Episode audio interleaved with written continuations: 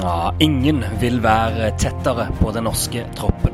Ingen vil komme mer på innsiden av det som kan bli tidenes EM for norsk friidrett. Vi er klar for podkast fra Berlin, og håper du er det samme.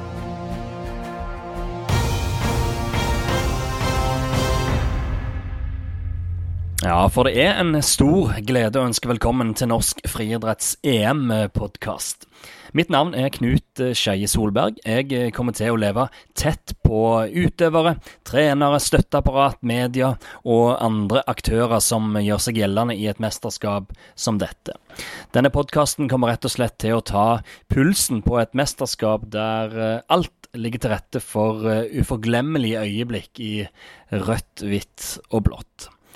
Og her skal vi prøve å komme ett skritt videre, en centimeter høyere eller en centimeter lenger. Hvorfor ble det gull? Hvorfor ble det ikke gull?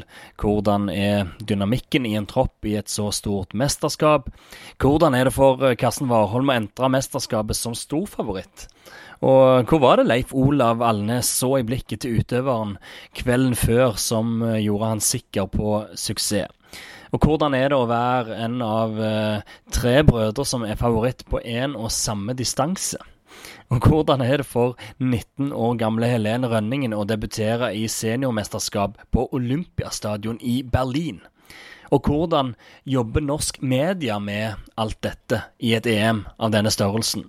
Og hvordan er f.eks. For forholdene i kommentatorboksen til Jan Post og Vebjørn Rodal i NRK? Dette er podkasten som forsøksvis skal gi deg det lille ekstra fra EM i den uh, tyske hovedstaden. Følg med, så um, høres vi i Berlin.